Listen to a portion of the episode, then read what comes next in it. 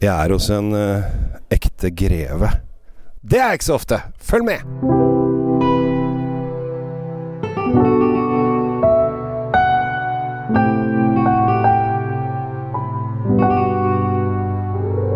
Hei og hjertelig velkommen til eh, en eh, ny episode av Kjell Svinkjeller. Jeg heter Kjell Gabriel Henriks og syns det er veldig hyggelig å kunne fortelle og spre vinglede til deg og andre som hører på. Akkurat nå så befinner jeg meg eh, sør i Montalcino i Toskana, hos eh, Coldorcia, eh, som er en eh, nobleman, eh, ekte greve, fra Sinsano-familien. Ja, jeg mener også at de kanskje lager Sinsano, og det er vel en sånn litt sånn der eh, bitter eh, sak. Men de holder egentlig til i nord, men så har de for 50 år siden så kjøpte de seg en aldri så liten vingård her nede i sør i Montalcino. Vi befinner oss eh, 20 minutter sør for eh, Siena i Toskana. Egentlig det sørligste ja, det sørligste rødvinproduserende området er det vel. Det er vel da Montepulciano som ligger litt lenger inn i landet. Men dette her er viner som vi har tilgjengelig i Norge, og vi har vært så heldige å få lov å smake forskjellige årganger av disse vinene. Og dette her begynner å bli gøy.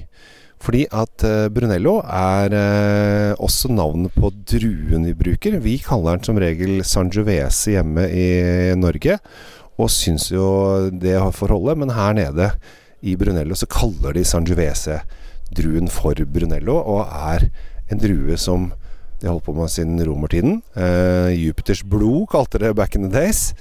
Eh, og har eh, lang historie fra etruskernes tid har de lang historie med å lage denne vinen her nede. Vi fikk lov å kjøre eh, Først så kom vi. Eh, vi er da på vinreise. Vi var, først så kom vi inn i, i vineriet og fikk smake 2021 og 2019. Og de er jo ikke ferdige ennå, for for å lage en Brunello så må den ligge tre år på fat og ett år i flaske. Og hvis den ligger to år i flaske, så blir det også en reserva. Så vi fikk smake først 2019, som ble da Nei, 2021, som ble, har ligget på fat i et år. Fikk vi en tappa vi rett fra tanken. Eh, som da var råfersk og syrlig og litt sånn stikkende i stilen. Og kjente at oi, her er det, her er det rått. Eh, og så fikk vi da eh, 2019, som da hadde fatet fått lov å kose seg litt. Og ligget da to år fat, av ett år igjen. Og kjente at fatpreget kom, men fortsatt så var frukten ganske syrlig og øh, frisk. Og så øh, gikk vi da over på smakingen, der vi fikk lov å smake da øh, 2015, 2013, 2006 og helt til slutt 1990. Det er den jeg har i, har i glasset nå. Og det vi nordmenn er dårlige på, er å drikke moden vin. Fordi at vi går på polet, og så kjøper vi vin, og vi kjøper Baroloer og Brunelloer og, og ting. Eh, årets vin. Eh, og så går vi hjem, og så drikker vi med en gang. Eh, og det bør vi ikke gjøre. Fordi at disse her trenger litt tid. Trenger, altså en Brunello trenger gjerne ti år før du, før du smaker på den. Eh, og det er jo det som er vanskelig. Å vente i ti år. Og jeg skjønner at det er vanskelig, men det lønner seg. Eh, og eh, Brunello kan ligge gjerne 20-30 år. Her er da 1990, og det er jo da god hoderegning 32 år. Eh, den har blitt veldig Fått disse modne, litt sånn derre plommetonene. Litt sånn moden, tørka frukt. Mørke moreller, noe kryddertoner. Mens da de sånn Når jeg smakte 2006 i stad, så har den fortsatt den mer kirsebær, syrlige preget. Men her blir det liksom sånn mursteinsrød, tung, eh, litt moden greie. Og det var veldig morsomt, faktisk. For vi smakte da 2013 mot 26. Det er 2006. Og mellom 2013 og 2006 da kom liksom lakrisen frem. Så etter hvert som de modnes, så kommer det flere og flere ting frem. Men det forsvinner jo også en del ting som, som syrlighet, friskhet, og så kommer da eh, ting i bånn. Og det er, eh, Brunello har ganske frisk syrlighet, derfor gjør det den så optimal Kom det masse fluer her, gitt.